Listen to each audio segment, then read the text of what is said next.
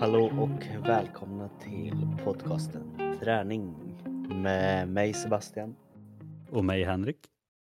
Idag så ska vi ha ytterligare en Q&A där ni har skickat in allt mellan himmel och jord. Så vi kommer att prata lite om Vasaloppet, anatomi och marklyft. Plus lite annat smått och gott. Så lyssna helt enkelt och fortsätt gärna skicka in frågor. Det är alltid kul med de här Q&A igen. Det har vi ju sagt tidigare Henrik att det är ju ändå så därför som vi faktiskt har den här podcasten att vi vill ha liksom ett ja men en konversation kan man väl säga med lite bollande mellan er lyssnare och eh, oss liksom. Ja men det är ju kul just för att det blir så mycket olika också. Det blir inte att man nördar ner sig för mycket på ett ämne utan det, man pratar lite kort om det och så går man vidare till nästa och pratar lite kort om det och kör på helt enkelt. Ja. Nej, men, vad säger du, ska vi, ska vi hoppa in i det direkt kanske? Ja, vi har ju ändå ett par frågor att ta oss igenom. Mm -hmm. Vill du ha äran att börja då kanske? Yes, och ja, jag vet inte om man kan klassa det här som en fråga. Det känns nästan mer som en... Eh... Ett hot. Ja, precis. Ett hot. Uh, nej, men första frågan då, eller ja, som vi fick var Hjälp mig träna inför Vasaloppet. Och när jag fick den frågan kände jag bara att det är mer passande fråga för tillfället går väl knappast att få. Nej, det, vi har ju pratat väldigt mycket om detta för det som kanske inte har lyssnat på alla avsnitt. Eh, och det är i grund och botten kanske det har pratats väldigt mycket om Vasaloppet för att jag eh, har börjat att träna inför att åka detta lopp. Och sen har det väl även blivit lite mer på grund utav eh, lite praktik som du har haft där du har ja, jobbat rätt mycket med just ja, skidåkning. Ja, det är samma sak där. Det har varit mycket fokus på skidåkning och då kanske främst på Vasaloppet så att till och med jag har ju kommit in lite på den banan nu så att passande fråga. Ja, men eh, hur tänker vi då Henrik? Ja, alltså Vasaloppet är ju en ganska stor grej. Det är, det är ändå nio mil i en folkfest och allting. Så att det, eh, det finns egentligen ganska många sätt att komma med tips och tricks på. Men jag tänker, ska man gå in liksom, om jag ska ta det lite mest just skidåkningsmässiga så kanske man kan säga att eh, ett första bra tips är ju att lära sig tekniken. Det kanske låter lite självklart, men då menar jag liksom också att verkligen lära sig tekniken, kanske ta någon kurs eller liknande. För att, att åka nio mil är ganska påfrestande och om man då lär sig teknik, hur man ska göra, hur man ska åka och hålla och trycka och allt sånt där så blir det ju lite lättare för att då blir man trött i armarna, ja, då kan man ändra lite teknik så kanske man använder lite mer bål och rygg eller så blir man trött där och man kanske kan använda lite mer ben. Vilket gör att ja, man kan variera sig lite mer också för att det tror jag nog alla som åkt längdskidor någon gång i alla fall och inte har full koll på tekniken känner liksom att det är fruktansvärt jobbigt i armarna rätt snabbt. Det tror jag du också kände i början innan du kanske lärde dig lite mer teknik och sånt också. Ja, jag måste väl ha lärt mig lite mer teknik i och med att jag är inte död i armarna efter en kvart längre. Liksom. Ja, men det blir ju det blir ju ofta så och det vet jag ju själv bara hur mycket jag utvecklas som sagt under min praktik och lärt mig lite mer teknik. Att nio mil och bara jobba med armarna, det, ja, eliten gör ju det. Men, eh, fast de, de har ju mycket boll också, men de stakar hela vägen och de klarar det. Men jag tror för en vanlig motionär så är det fruktansvärt jobbigt. Så att lära sig teknik och liksom riktig teknik skulle jag säga är en väldigt bra grej om man vill åka Vasaloppet. Och sen skulle jag väl också liksom säga att men, ta det lugnt, liksom att mm, stressa inte utan våga, våga glida och njut och ha kul. Liksom. Att inte behöva är det första gången man åker så tycker jag inte man ska liksom stressa en tid, en viss, en viss antal timmar eller så, utan verkligen bara njuta av loppet för då blir man inte heller lika trött och bara som sagt, det är en folkfest. Åker man det första gången då ska man passa på att njuta också. Jag fortsätter lite på det spåret där. Haha. Eh, men, men eh, jag, jag har ju också tänkt lite mer ändra kanske fokus från att komma dit och prestera, liksom att jag hade velat lägga fokus på att klara det här, utan Nu har det mer blivit att jag ju faktiskt lagt äntligen nu en aktiv bokning. Eh, vilket jag kanske inte gjorde förra gången utan det hoppas jag och sen så kände jag att nej det rann ut i sanden.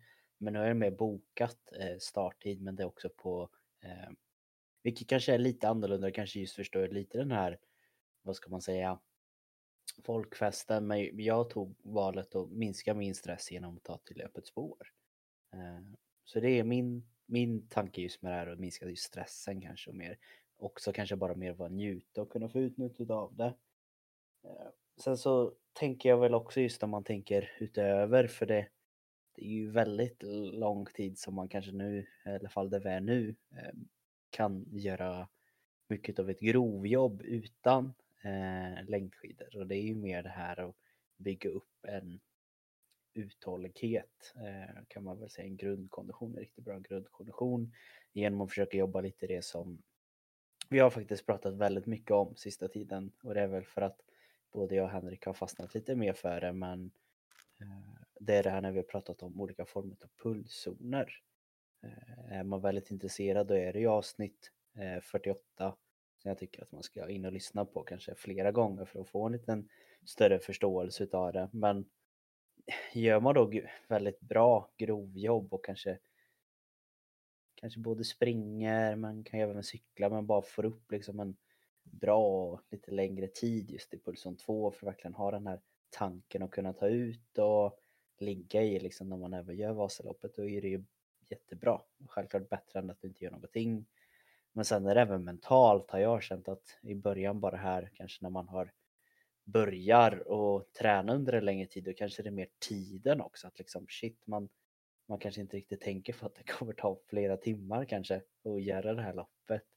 Och då är man inte mentalt redo på att kanske träna längre än en timme utan det är det man kanske brukar göra. Då kommer det bli ett riktigt liksom Eh, vägg som kommer upp och kan bli liksom en av faktorerna till att du kanske hade misslyckats om du eh, nu tar för dig och faktiskt göra Vasaloppet.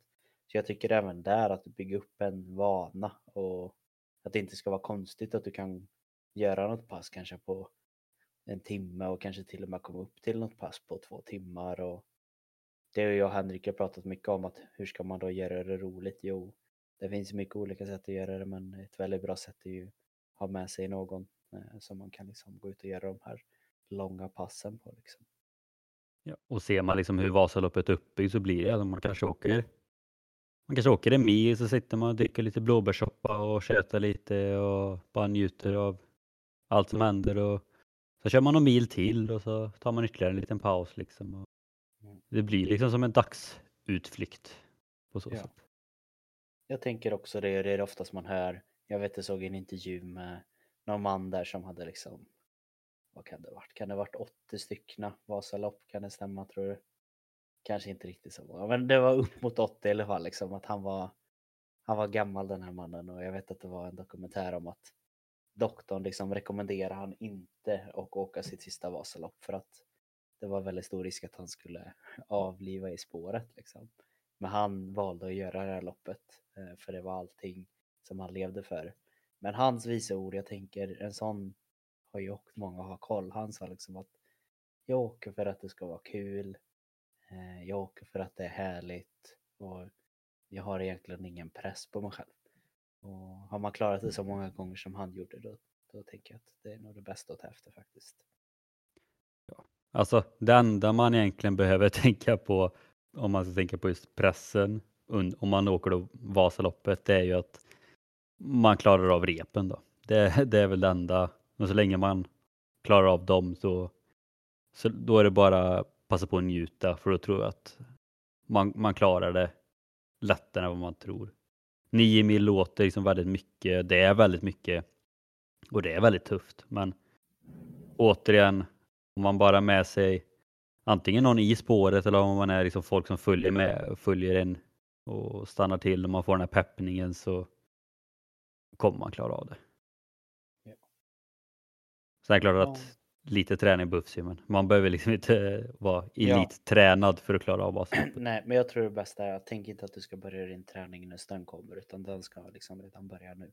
Och sen så väl när snön kommer då jag känner att jag är i exakt samma läge att liksom det första Vasaloppet i så fall. Eh, det känns som det är på frågan som är ställd.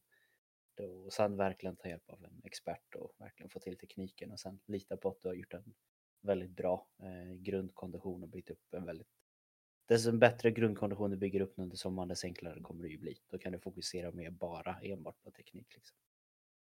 Ja, det, det hör man ju på namnet liksom. Lägg en grund, finslipa när snön kommer. Klara av den när det är dags. Ja, så uh, vi önskar väl uh, lyssnaren lycka till med Vasaloppet helt enkelt. Det gör vi. Kör hårt.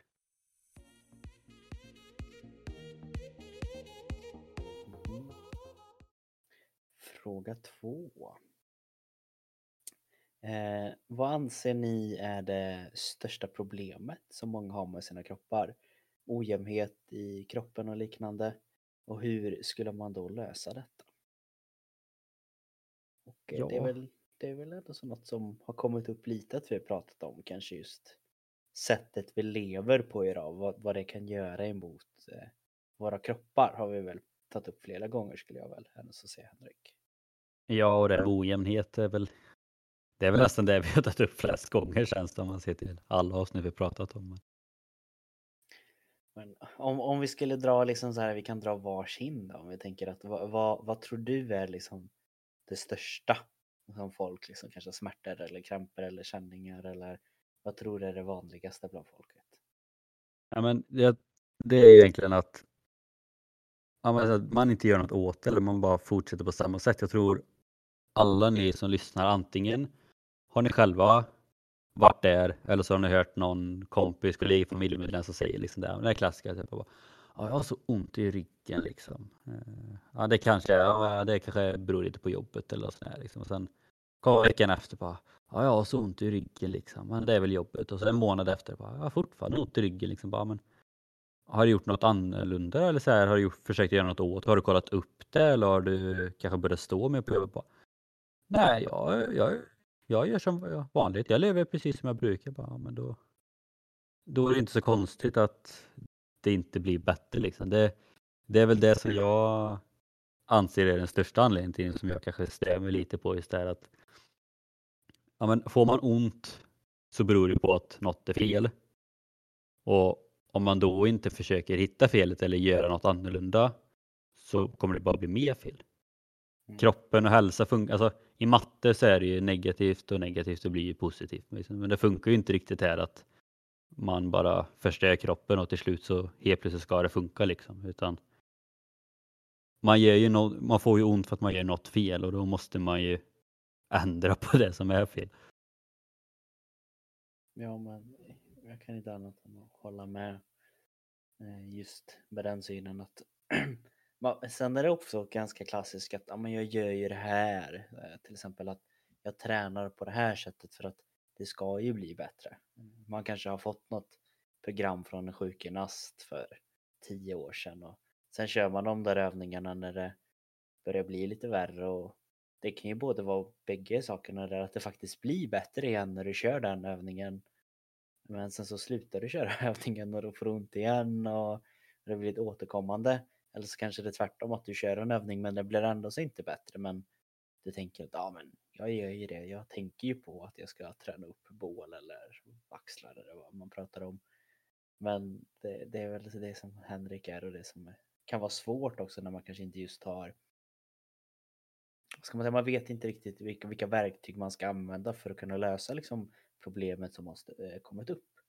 Eh, och då är det ju, skulle jag säga, just att vet man inte vad man ska göra, man är fast i den här att man gör som alltid, då skulle jag vilja säga att då behövs det väl få just någon syn utifrån. Eh, och sen så är det ju så smidigt liksom att kunna ta hjälp av en fysioterapeut, heter det inte sjukgymnast, men en eh, fysioterapeut eller sjukgymnast om vi kanske vill säger. Och kunna få liksom en titt och känner man att inte det hjälper då, då finns det ju andra sätt att kolla det och liksom och få lite stöttning.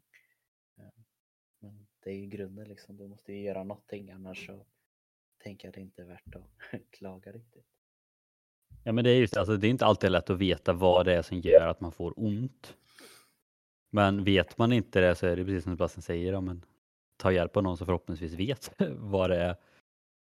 För det, Ja, men det, det, det är väldigt många i dagens samhälle som, eller man får höra det, det är sånt som man ser på sociala medier, man ser i media, vanlig media och tidningar och sånt där, liksom folk som har ont och de vet inte varför och allt sånt där, men man lever på samma sätt ändå. Det är lite som om en snickare skulle slå sig på tummen och nästa vecka gör han det igen och sen pratar han liksom om jag har så jäkla ont i min tumme och jag vet inte varför och sen ibland kan det också vara så att någon säger till, men det är på grund av det här och folk bara, aha, så är det därför och sen fortsätter på samma sätt ändå.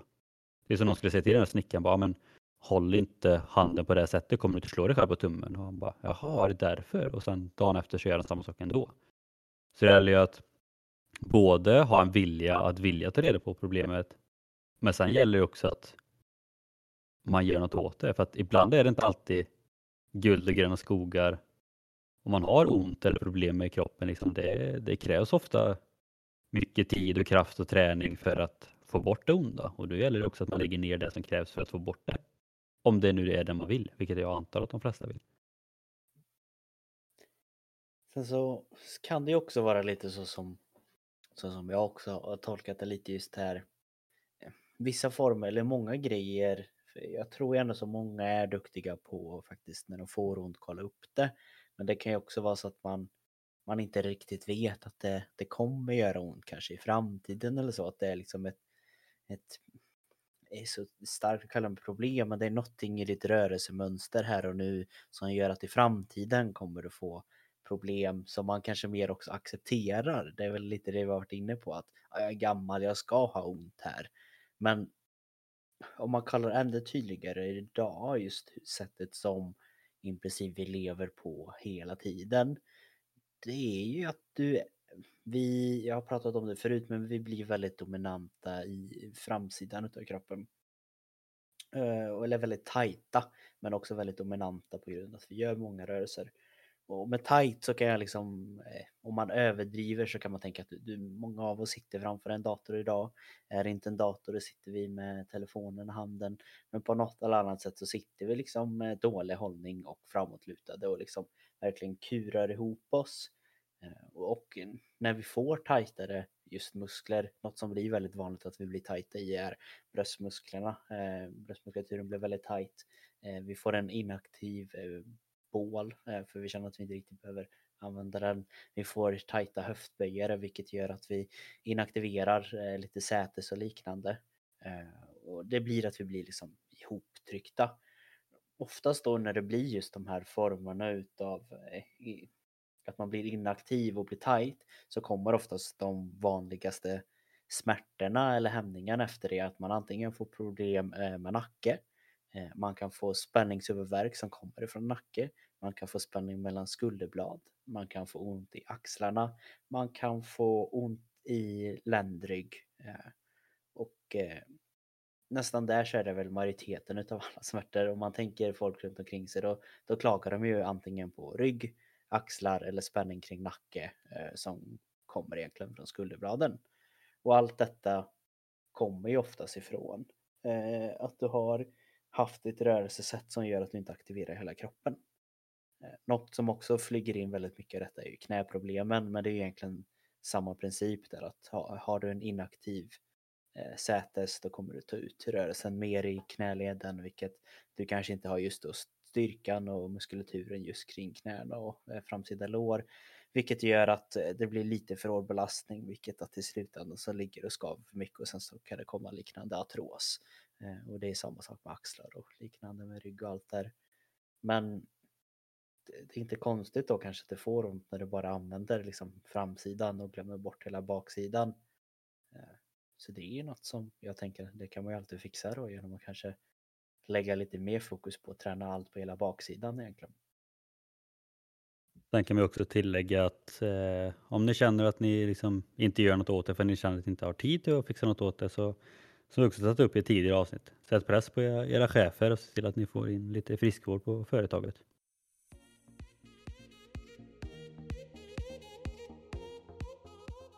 Next one. Eh, fråga nummer tre då. Vad ska man fokusera mest på teknik eller bara köra? Och här känner jag mig lite, jag är lite kluven. Det känns lite så här, det beror lite på, eh, enligt mig. Eh, Det, alltså, jag tycker att teknik är alltid bra att ha. Och samma sak, ju mer man kör teknik desto bättre kommer man ju bli när man kör på också.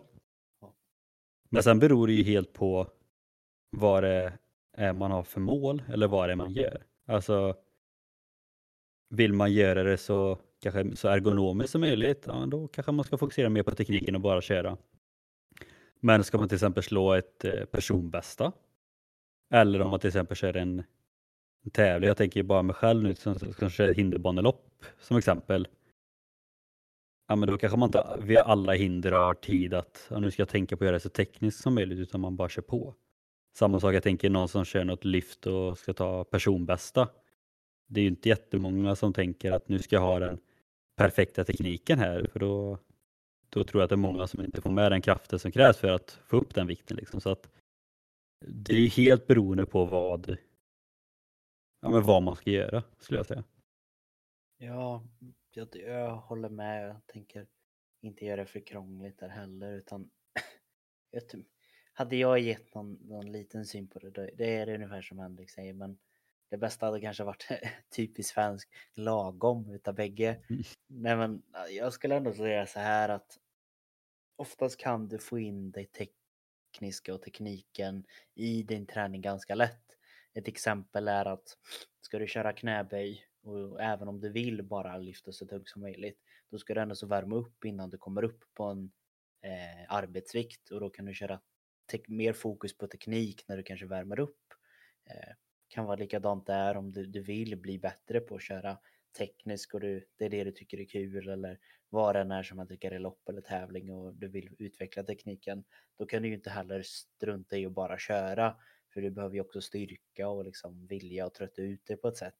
Eh, så det går ju att balansera bägge det får där men eh, man ska inte fastna för blir man tekniknörd då kommer man fastna där och kanske inte riktigt komma iväg och kanske även mista motivationen liksom för att träna. Om man tänker att jag måste ha ett perfekt marklyft, annars kan jag inte köra det. Men jag älskar marklyft, men jag får inte göra det för det är min PT eller någon på nätet eller någon på Instagram sa att så här måste det se ut liksom att ja, men kör du tycker det är kul då. Och sen kan man också tänka att alltså ju bättre koll man har på tekniken desto bättre teknik kommer man ha när man även bara kör på liksom. Så att oh. Sagt, de går ju hand i hand. Det... det gör det. Men grunden är väl samma där. Har du inte en grundteknik då tycker jag inte att man ska köra på egentligen. Utan det måste Nej. finnas något form av lite att stå på annars är det ju skadligt. Eh, och är det skadligt då, då är det inte värt riktigt att köra. Eh, om det inte är så att du ska göra ett lyft och sen aldrig mer träna ett liv och du accepterar att du ska ha ont i resten av livet. Då, ja, kör, kör på det. Exakt. Bra, bra avslut på den frågan. Perfekt, lite ironiskt för folk som inte lyssnar på mig. Nej, nästa. Eh, nästa ja. Eh, eh, hur tror ni, eller tror ni att synen på hälsosamt inom situationstecken är verkligen hälsosamt eller är inte hälsosamt? Ett exempel på detta är eh, fitnessindustrin, eh, sociala medieindustrin, och liknande. Alltså en optimal kropp att ha eller ett optimalt sätt att leva på. Eh, vad är er syn på detta och hur tänker ni? Det här är väl också en fråga som vi har... Alltså, den här frågan är ändå intressant för det är så här, vi har pratat om det väldigt mycket fast ändå inte. Eller så här, liksom. det, det är ändå en återkommande fråga. Men det är ändå någonting som känns som att vi ändå pratar om lite då och då. Mm. Jag tror väl ändå att både du och jag har ganska liknande syn där att Alltså det är klart att det finns något som heter hälsosamt men i dagens samhälle har det hälsosamma gått överstyr så pass att det finns tusen olika sätt som folk säger är hälsosamma fast det går till det extrema så det inte blir hälsosamt. Liksom. Så att alltså, om man läser sådana här tidningar eller många bloggar och sånt så skulle man nästan säga att motsatsen till det många skriver nästan är mer hälsosamt är att följa deras metoder och dieter och allt sånt där. Liksom det, men det är ju svårt, alltså alla människor är olika. För vissa är det jättehälsosamt att följa någon influencers hälsosamma livsstil medan för någon så är det jätteohälsosamt att följa det. Ja, och det är ju det är ju bägge, åt, åt bägge hållen där att det kan ju vara, om vi fortsätter på det spåret du sa, att det kan ju vara någon som verkligen anammar och kanske har eh, Eh, legat i en riskgrupp till exempel för hjärt och kärlsjukdomar och sen på grund av en form av influencer eller podcastcancer eller liknande så har man då ändrat om sin eh, livsstil och helt plötsligt så eh, kanske man inte riktigt har diabetes längre utan man ändå så kommit ner och fått så pass bra värden och man kanske förlänger sin liv med 10 år och ökar livsglädjen och kan göra saker som man alltid önskat att göra och liknande. Och det är ju superbra. Men sen så kan det ju vara samma person kanske som helt plötsligt när han har kommit upp till en bra häls där man kallar hälsosam nivå får en annan form av press på sig att den inte är tillräcklig. Jag, jag kan tappa ännu mer kilo, jag kan eh, dricka ännu mer gröna juicer, jag kan, varför springer jag inte fem mil? Eller så här, det bara ökar på för det är ju oftast det som man ser just på sociala medier och det, det är ju mycket för man vill som eh, någon som har eh, sociala medier och jobbar lite med det. Det vet ju vi i och med att vi, vi gör ju det lite liksom med podcasten och allting att vi vill oftast dela med oss av positiva grejer för att, för att inspirera folk och till exempel kanske gå ut och cykla eller göra övningar eller vad man tänker på. Men det är inte alltid liksom kul och eh, pushande utan ibland. Är det lite tungt och ibland kan det vara bra att vila liksom men ja, det, det är svårt som sagt. Ja, det är jättesvårt, men det är också det som jag känner och som jag hoppas att ni som lyssnar också kanske har märkt att när vi pratar om saker eller om det saker som ska vara hälsosamt att vi ändå försöker hålla det på en väldigt bred nivå för att det är svårt att säga att gör så här eller ät det här. Liksom. Att, men när vi pratar om kost så försöker vi ta in olika synvinklar. Jag vet när vi hade ett avsnitt vi pratade om Eh, kalorier och två olika personer, hur mycket de skulle äta. Liksom. Den ena åt dubbelt så mycket än den andra. Helt beroende på vilken livsstil de har och vad de har för mål. Och samma sak när vi pratar ganska mycket om träningsupplägg och liknande. att Vi försöker ändå få det på en ganska bred nivå. Vi kommer med olika träningspass, olika övningar. Också så att ni som lyssnar ska kunna plocka vad ni själva känner är det som passar er bäst. För att det, det kommer aldrig vara liksom att den här dieten är den mest hälsosamma. Det här träningsupplägget är det mest hälsosamma. För att ja, för någon kommer det vara det. För någon kommer det verkligen inte vara det. Så att det är ju det som är det svåra med det här med hälsosamt för att det är så det är så individuellt. Det är samma sak att ta vilken diet som helst. Vissa älskar den för att de mår bra av den. Vissa hatar den för att de mår inte bra av den. Så kan man liksom säga att en diet är hälsosam om det inte är hälsosamt för alla. Ja, det är det för några. Ja, jag, jag tänker om man går tvärtom då, vad, vad är inte hälsosamt?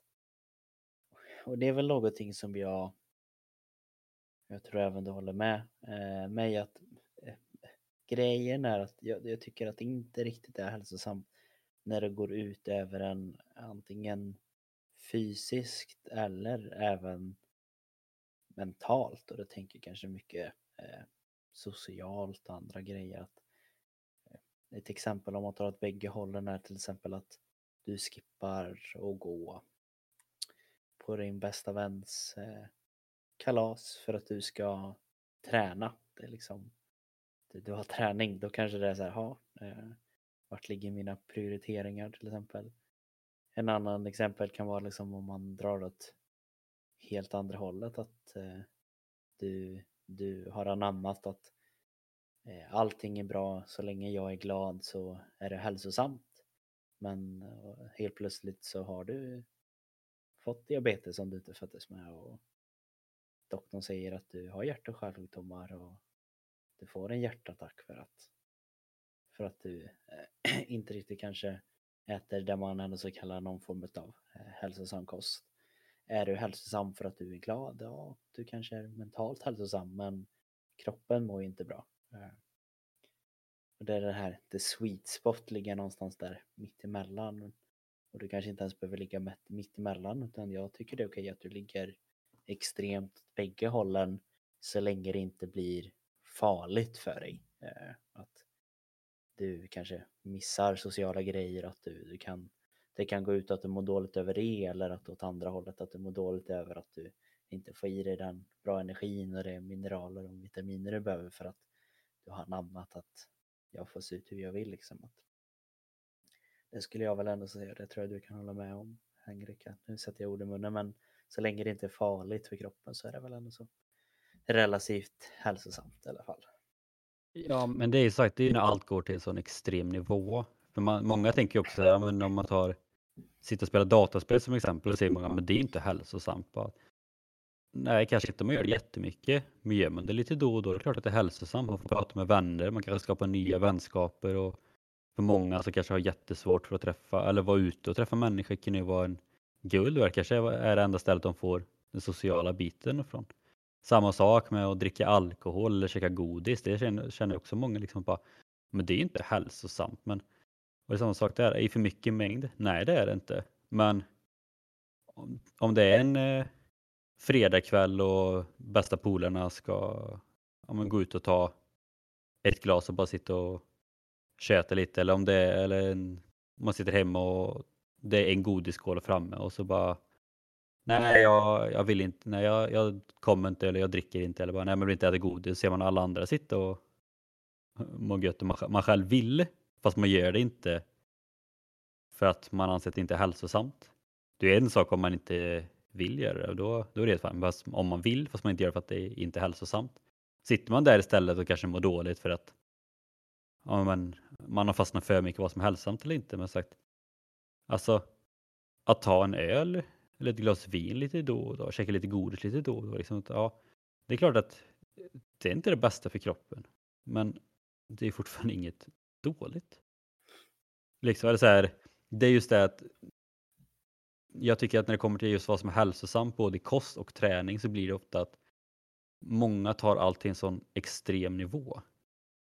Just det här med att om, om någon säger att de äter godis, då säger, tror folk att de, då käkar man godis varje dag.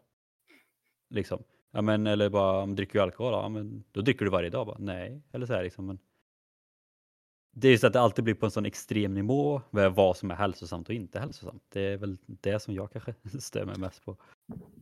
Ja. Och ska man börja runda av där lite för det är väl någonting som både du och jag eh, blir väldigt passionerade för att prata här för vi, vi ser ju mycket eh, hur extremt det kan bli åt båda hållen och inte riktigt. Men, men något som jag tycker ska bli lite intressant här framöver är att de här olikheterna i vad som är hälsosamt har inte riktigt eh, existerat på samma sätt förut upplever jag det som att förut så var det liksom att ja men tränar du då var du lite speciell. Eh, det var liksom konstigt. Och var du bodybuilder och låg på de extrema nivåerna, ja då var du lite speciell. Och samma där att var du väldigt eh, överviktig, ja då var du lite speciell och det kanske inte var riktigt så bra. Men idag så är det helt plötsligt att åt bägge hållen eh, är kan ha minst lika positivt om man går in på sociala medier eller vad som helst. Jag pratar med folk så kommer kanske samma person säga jo men de som håller på med både fitness de är perfekta och de som eh, anammar att man kan se ut exakt hur man vill och allting är bra, både på sin sida är också bra. Men vi, vi kanske inte har hållit på med det så länge så vi har sett eh, faktiskt effekter utav det. här. Eh, för jag upplever att det har blivit lite mer inne just med de här extrema nu jag tycker det ska bli intressant att kunna se att hur kommer de här personerna må som ligger extremt på, åt bägge hållen? Hur kommer de må i framtiden liksom? Att kommer folk ha sjukdomar på grund av att de tränar på det sättet eller leder på det här sättet? Och, eh, det kan vi inte säga nu, men eh, det är ju inne nu och när de blir äldre så kanske om 10-20 år så har man kanske fått lite data sen 10-20 år till så har man gjort en studie och några metaanalyser och då vet vi kanske att ja, nej, det kanske inte var så bra eller så kanske det var superbra. Det vet jag inte, men jag tycker det är intressant och jag hoppas jag får läsa något om de grejerna här framöver. Vad menar du med att marklyft inte är en ryggövning? Och det kändes som att den var lite riktad mot dig och du pratade lite om det innan. Att du kanske har nämnt det någon gång innan att det inte är en ryggövning. Ja, jag har nog nämnt eh, min syn på att eh, att lägga in marklyft på Eh, ett ryggpass har väl varit att jag har, jag har kanske vinklat mina åsikter lite åt att jag, jag har tagit, vet du vad? Jag tar en ståndpunkt här och nu faktiskt. Allihopa, jag tycker inte att man ska lägga in marklyft om det är att du vill bra i marklyft på eh, din ryggdag. Det, det tycker jag helt enkelt inte. Eh, och här kommer min förklaring till varför jag inte tycker det. Jag tycker inte det, för kollar man rent anatomiskt vad som händer när man vill få ut styrka och liknande just i kanske en form av eh, tävlingslyft. Det är väl därifrån som jag har min syn på eh, vad jag upplever marklyft är och det är ett styrkelyftsperspektiv. Eh, eh, där tycker jag om man ser och det har gjort forskning på det. Jag har skrivit tror jag ett helt inlägg om det på Instagram där jag har skrivit en lång text. Jag har nog till och med eh, gjort en, inte en uppsats, men jag har ändå så skrivit en lång text om, om olika former utav just studier kring detta där man har sett att aktivering kring eh, baksida lår, alltså hamstrings och liknande har eh, procentuellt, eh, ja men de aktiveras väldigt mycket i de som är väldigt duktiga och gör de här eh, tävlingslyften helt enkelt. Självklart är ryggen med, men det är också en av mina synpunkter är att går du in för att det ska lyftas med ryggen, eh, speciellt när du är ny och du går in med den synen att jo men det ska kännas i ryggen, då kommer det att vara en ökad faktor till faktiskt varför man skadar sig. Eh, du får jättegärna lyfta med ryggen och du kan bli jättestark. Men du ska också veta att det går att lyfta på ett annat sätt. Och därför tycker jag att du får gärna börja med att fokusera på att det är någon form av benfokus.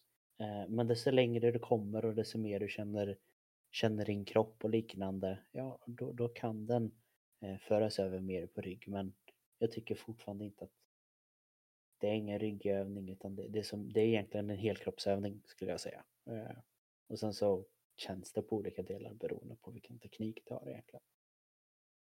Tänk om alla kunde vara så här lugna när de framför ett argument i en debatt. Ja.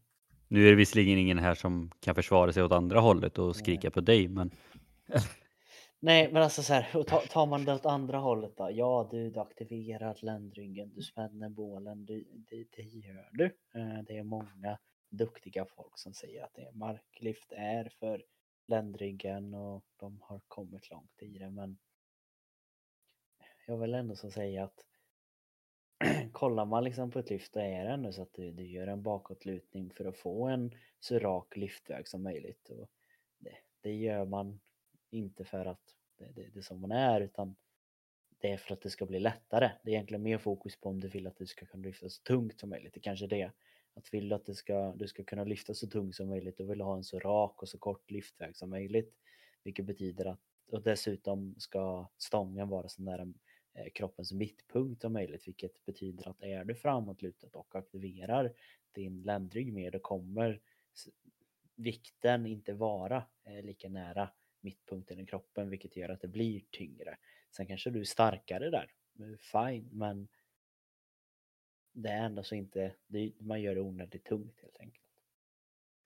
Ja, men det är ju så, alltså marklyft är ju liksom en övning där det finns så många olika tekniker på. Det är klart att med olika tekniker så blir det olika muskler som används mm. lite olika mycket. Eh, och jag har inte jättemycket att tillägga med det, men jag tänker egentligen att vi kan slå ihop nästa fråga, för jag tycker ändå att den hör ihop lite eh, med det vi vill prata om. För nästa fråga är, eh, jag vill slå personbäst i marklyft, tips på perfekt teknik. Och jag tänkte, du var ändå lite inne på det, så att, eh, jag tänker vi kan nästan slå ihop de frågorna.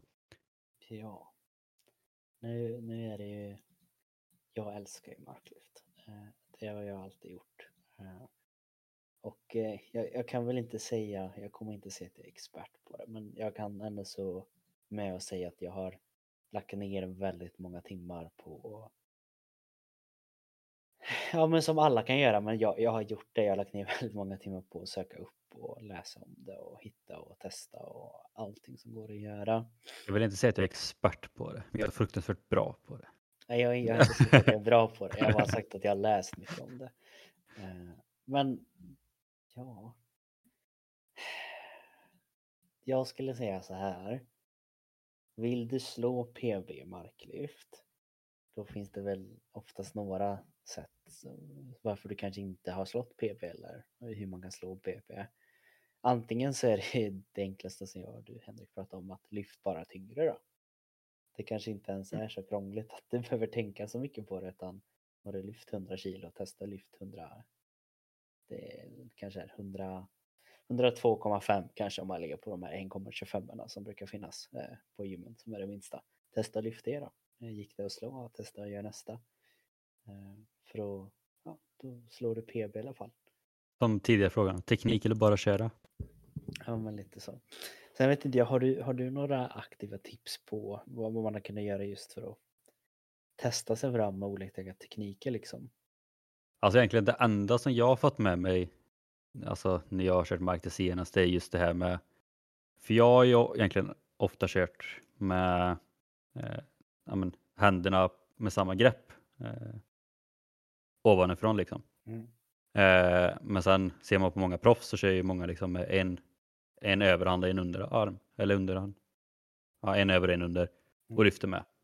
Eh, och om jag har fattat rätt där så är det också liksom väldigt personligt vad man tycker är bäst. Men vissa tycker att de får bättre grepp med det. Och det är också det, just det med om man går upp på personbästa nivå. Liksom, men, vad är det som sviker? Är det styrkan liksom, i till exempel baksida lår eller är det det mentala eller är det greppstyrkan? Liksom? Det, det är återigen där, det finns så många olika sätt som kan mm, påverka vad det är. Liksom att en av är det en av fem grejer som inte funkar, men kanske man inte slår personbäst, då gäller det också att ta reda på vad det är som inte funkar. Eh, så det är väl just det här att testa sig lite fram och sen, sen är det också en sån grej, men är, det, är man bättre med vanliga mark eller sumomark? För det har man också sett på tävlingar, liksom, att vissa, är, vissa är bättre på vanlig mark och vissa är bättre på supermark. Jag vet inte om du har bättre koll där, om det är jätte, eller vad som är den stora skillnaden. Så sätt, eller om man, det är lätt att bara byta så. Men... Alltså, så här är det. Eh, tar du, tar du en klassisk, eh, oj nu fick jag en släpp, men smalmark eller eh, diagonalmark eller marklyft där man tänker att man står och står vanligt. Eh, då kommer det eh, generellt sett bli lite mer dominant i eh, hamstrings, alltså baksida lår, även ländryggen kommer att komma med lite mer. Eh, lägger du fokus på att göra en form av Eh, sumomark. Eh, då kommer fokuset bli lite mer fokus på egentligen hela benen. Även få med eh, quadriceps, framsida lår eh, lite mer helt enkelt.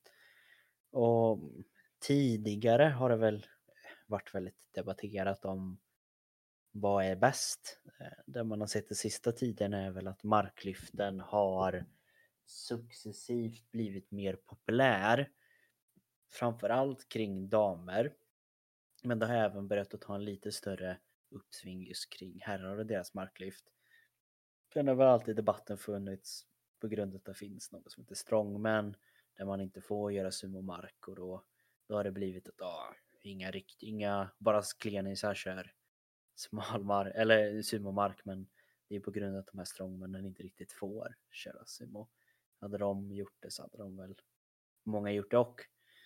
Men ska man se kanske mer eh, verkligen det, vad som är optimalt då, det är att i, i alla lyft som du vill eh, slå PB i, då vill du ju göra det så lätt som möjligt för dig.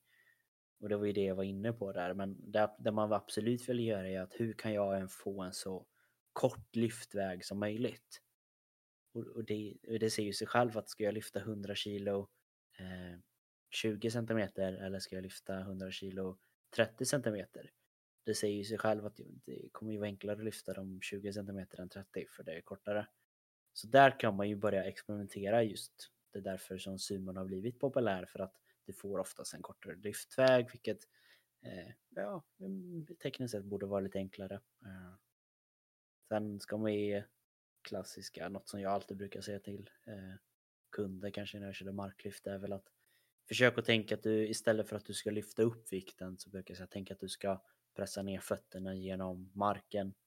Eh, ett bra sätt att aktivera musklerna på. Eh, tänk att du lyfter med hela kroppen, att det inte bara är liksom rygg, ben eller vad du lägger fokus på utan hela kroppen. Eh, och sen något som faktiskt många brukar skratta åt men det är det är en av mina seriösaste tips. Släpp inte vikten. Eh, det, det låter, det är väl klart det, men oftast är det där att när du drar och du känner att det här går inte, då har vikten kanske precis lämnat marken. Vilket betyder hade du bara dratt i två sekunder till så hade du fått ett PB till exempel. Eh, så du släpper inte vikten för den uppe och går in med den inställningen då, då kommer det kunna bli riktigt bra. Så det är väl liksom just det att, ja men, nu vet inte vi om den här personen är lång ja. eller kort eller? Nej, och sen liksom inte, vi vet inte heller om den har, om det bara är så här, jag vill bara personbästa, eller om det är så att den har försökt slå personbästa i ett halvår, ett år och inte klarat det liksom, eller om den egentligen aldrig har försökt, för det spelar också ganska stor roll in liksom att om man har försökt hur länge som helst och inte klarat det, men då gäller det att försöka hitta vart felet är. Men om man har man inte försökt heller, då tror jag också mycket på det som det är just bara inställningsmässigt kommer man jävligt långt på. Mm, verkligen. Ja, nu har jag pratat på mycket om den så det kanske är dags att ta våran eh, sista fråga. Ja. Och här har vi ja, men avsluta med lite, lite smått och lite gott eh, men även en kanske både stor men man kan även försöka göra en liten fråga. Eh, den lyder så här. Eh, skulle vilja lära mig lite mer om anatomi, muskler på latin och vidare. Och vi har väl tolkat den här frågan på att hur kan vi ge lite tips om du skulle vara intresserad av att kanske få mer förståelse över anatomin i kroppen och även kanske gå in lite ytterligare nördigare kanske på just eh, hur de är uppbyggda, vart de sitter, vad de heter och hur man, ja men lite tips på hur, hur kan man lära sig det här bättre och liksom få det att fastna. För det är ändå så ett krångligt ämne om man skulle gå in och försöka och lära sig musklerna på det sättet. Ja, och det först kan man väl också bara säga så här att men, varför vill man lära sig muskelmatik. Nu, vill ju, nu höll ju den här personen på att utbilda sig till PT, har jag för mig att hon skrev. Eh, så det är väl liksom en bra anledning och vilja veta det då. Och sen är det ju alltid kul att kunna det på latin. Jag kommer ihåg själv, jag vet inte hur du känner, men jag vet när jag, jag lärde mig dem första gången. Alltså man kände sig ändå rätt proffsig liksom, när man kunde muskler på latin. Det, det blir som att man kan ett helt nytt språk. Liksom, lite. Ja, det är ju ett helt nytt språk. Så. Ja, jo. Eh, men det jag skulle komma med som tips är väl egentligen att alltså dels är det ju mycket egentligen bara att det är bara nöta som med allt annat och sen, sen är det ju helt beroende på hur man är som person och hur man lär sig bäst. Jag vet ju första gången som jag lärde mig det på latin, det var ju dels i skolan och då vet jag att vi först hade eh, ett prov på träningsläran. Och då kanske vi hade ja, men åtta olika muskelgrupper någonting och där kommer jag ihåg att det nötte jag liksom bara för att komma ihåg det till till provet och sen så hade man typ glömt bort det efteråt för att man kom bara ihåg det dit. Sen när vi läste massage på gymnasiet så tyckte jag att det var väldigt bra för då var det liksom, ja men då, då började vi med typ två muskler. Första veckan var, ja men då, den här veckan så fokuserar vi på trapezius och levator scapula till exempel. Då hade vi liksom två lektioner där vi fokuserade på dem, vilka muskler det var, vart de satt, vad de gjorde och hur man masserar dem. Så veckan efter så börjar vi alltid liksom, ja vilka muskler pratade vi om förra veckan? Ja det var de här två. Eh, och så lägger, ja, men nu lägger vi till eh, rhomboideus, minor och major. Så var det ytterligare två nya muskler, fokuserar man på dem. Så nästa vecka tog man två till. Så det blev liksom att man tog det väldigt sakta fast man ändå nötte just en, två i taget hela tiden. För då blir det också att det var inte så mycket att fokusera på men det fastnade verkligen för att man verkligen nötte de två musklerna. Och det var inte bara att man nötte vad de hette utan det var verkligen vad de gjorde, vart de satt och hur man masserade och liknande. Och det, det tror jag väl också är kanske en rolig grej, kanske faktiskt också ganska viktigt om man vill lära sig det på latin. Att det inte bara vad de heter utan ofta så är det också effekt och var de sitter och liknande. Ja, eh, går man in och faktiskt har någon form av förståelse just faktiskt vad vad de här musklerna betyder, då är det mycket i vår kropp. Eh, jag har sagt att vi är inga experter, men mycket av det vi har lärt oss här när man börjar förstå lite är att i kroppen, både med muskler men även med rörelse, mycket är väldigt simpel på ett sätt. Att det förklarar vad rörelsen gör och det förklarar varifrån det kommer och var, vart det slutar till exempel. Eh, och på det sättet kan man då få någon form av karta att kunna gå lite efter. Det är just om man ska ta till exempel vi, vad har vi pratat om idag? Idag har vi pratat om eh, quadriceps nämnde jag va?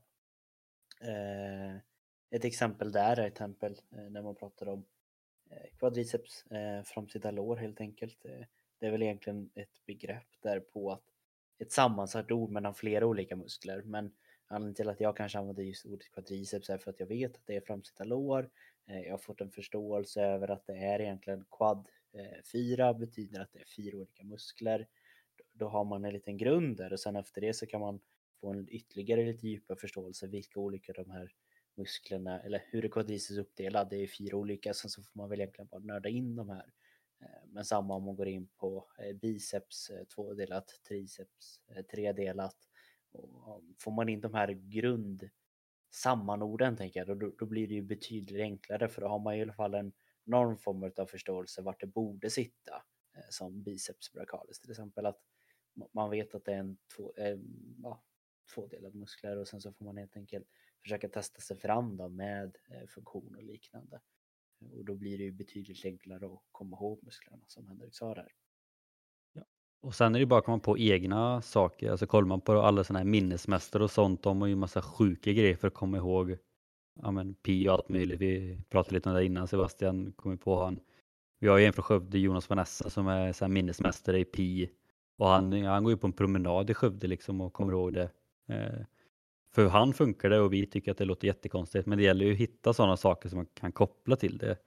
Och jag vet ju, ja, utöver biceps och triceps så tror jag typ den första som, man, som jag kom ihåg på latin var nog gluteus maximus. Det var för att vår lärare skämtade lite om att ja, men, gluteus, ja, men, glutta, ja, men, alla killar gluttar ju på tjejernas rumpa liksom. Så här. Ja, men, det är så konstig ihopkoppling fast bara för att den var så konstig så fastnade det liksom.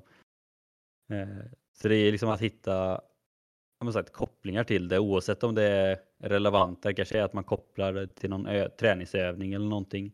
Eller som sagt det är sådana som egentligen inte har någonting med träningen att göra. Eh, så kan det vara lättare att komma, komma ihåg det. Ja. Och det är väl ytterligare tips just på just klassisk, men det, det är det som är så bra när det är kroppen. Och det vet man ju att bästa sättet att lära sig det är tillbaka vad man sa i skolan, men det är ju se, eh, skriva, eh, höra och sen så kan man ju även göra här, vilket är extra bra. Att försöker man att verkligen få in allting det när man lär sig eh, funktionen och allting och verkligen nötar in det. Ett exempel, det är också väldigt roligt för att både jag och Henke, vi jag upplever ju det, nu kommer jag berömma Henrik lite, men han är väldigt duktig på du är väldigt duktig för det mesta. Det, men just, just det här att komma, du är ju duktig på att få in information. Eh, kolla på mig, jag har ju betydligt svårare kanske att få in information när det gäller just kring namn och mer det här kanske klassiska tvinga in eller verkligen nöta in saker. Det har jag ju väldigt svårt att få in. Men för mig så var det till exempel när jag gjorde mitt PT-test, jag klarade ju ändå sådär. Eh, då var det ju att jag kontinuerligt under hela den tiden som jag läste och även var att så fort jag gjorde någon form av rörelse, eh, till exempel kanske var när jag när jag ställde mig upp från stolen och skulle ta en bensträckare, ja, nu aktiveras den här muskeln och den här muskeln och den här muskeln och gluteus spänns där och att jag aktivt gjorde det i rörelse och sen så var det till slut att jag, jag gjorde det så många gånger att då, då sitter det liksom. Eh, det är mer nöta nöta. Sen så ska man kanske se lite mer på ja, vad var det bästa för mig? En av mina bästa är ju faktiskt eh, olika former av appar. De är ju bra liksom. Min favoritapp som jag har använt och ständigt använder mig det, den heter iMuscle 2. Eh, det är en app på telefonen som finns och jag tror den kostar eh, några kronor men det är lätt värt det eh, om man vill få en förståelse av hur kroppen fungerar. Och det kan hjälpa även om man pluggar till PT eller om man bara vill få tips på superbra övningar och om man vill träna en specifik muskel. Då får du egentligen en 3D-modell över kroppen och så ser du musklerna och så kan du ta bort och lägga på lager och klicka på musklerna och se vad den heter och se vad den har för funktion och se ja, men allt som det mesta man egentligen kan se kring kroppen får det där väldigt tydligt och det är smidigt att ha den i telefonen så kan man lära sig hela tiden om du står på gymmet och ska göra en övning eller sitter hemma och kollar TV och det är reklam eller vad det är. Ja, det finns ju sagt massa appar och det finns på nätet och allting så att mycket handlar precis som Sebastian sa också, liksom vad, vad som passar för dig själv. Eh, skulle jag komma med något tips så skulle jag väl också egentligen bara säga att amen, börja, börja i så fall med de stora muskelgrupperna. Liksom att, amen, lär dig quadriceps så att du har koll på den före du kanske går in på vad alla de fyra mindre heter. Liksom. Att, att inte bara gå och fokusera på alla småmuskler för det är väldigt sällan man kommer behöva nämna dem eller kunna dem. Liksom, utan ja, man kan man quadriceps då det kommer man väldigt långt på. Och ser man sen vad, vad man faktiskt och man ser varför skulle man vilja lära sig eh, på latin kanske vissa tänker och varför skulle jag vilja lära mig vad muskler heter? Och det är ju på grund av det som eh, vi har pratat om i förra avsnittet med lite 3D-träning och funktion, eh, biomekaniken, att när man har en förståelse av vilka kroppens muskler är och hur de fungerar, det förstås och man kan börja göra kopplingar som till exempel det jag pratade om där med smärtor. Eh, då är det ju enklare att förstå att det här leder till att den muskeln blir tight, vilket leder till att motsatt muskler blir eh, eh, avslappnade och kan inte aktiveras lika mycket, vilket leder till att de här smärtorna kan ske, vilket betyder och så tar man vägen tillbaka och det kan man applicera även om man bara sitter där att mycket så är det, eh, vad heter de, antagonister kallas det för va? Mm. Och det är ett väldigt bra sätt att lära sig dels om man vill göra ett eget träningsprogram eller om man har smärtor att oftast är det antagonisterna som de behöver samarbeta bra att vill du bli stark i vad ska vi ta, bänkpress då måste det antagligen vara starka antagonisterna, alltså baksida, eh, baksidan, alltså ryggen och då tränar man på motsatt effekt. Har du ont i vad ska vi ta, höftböjen. Ja, då kanske det är för att antagonisterna, alltså eh, gluteus, eh, rumpan, är, är, behöver tränas mer. Och det är egentligen därför som man skulle vilja lära sig och har man bara då bara som sagt grunderna och eh, huvudrubrikerna eh, då kommer man väldigt långt. Och det är inte så ofta som man är inne och pratar de här svåra termerna utan det kanske är om man pratar med andra personer som är i samma förståelse men det är samma som när du och jag sitter och pratar, inte så att vi går in och nämner allting på latin utan det kanske blandas lite latin och lite svenska men generellt sett är det, är det rumpan då säger vi rumpan. Det är inte kanske så att vi ser ja, gluteus maximus har lite träningsvärk idag eller ja. Nej, inte direkt. Men sen är det som du säger är att det, det kan ju nästan jag tycka att de, de gånger som jag känner att kunskapen om musklerna på latin och det har kommit till mest nytta för mig har ju nästan varit när jag själv har varit hos sjukgymnaster just för att ja men sen när de säger bara ja men det är den här muskeln säger de på latin som att jag förstår och om jag förstår så blir de typ också glada för att jag förstår vilken muskel det är de menar. Så att, men då blir det lite det här klassiska, man pratar på samma språk. För det brukar man också skämta lite om nu, typ när man är hos läkare någonting, att ja, de skriver vad det är för fel fast man fattar aldrig vad det är för fel för man läser inte läkarspråk. Liksom. Så att, det är ju sådana tillfällen som det kan vara lite kul att kunna förstå varandra. Men samtidigt så är det också deras jobb att kunna förklara om man inte fattar. Ja.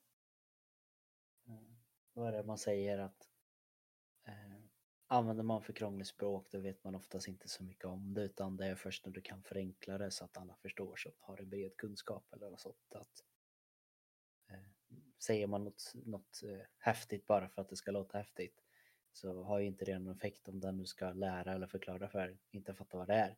Utan då måste man ha kunskapen och kunna förenkla det eh, så att både du förstår och den som lyssnar förstår eller vad man ska användning för. Så, ja.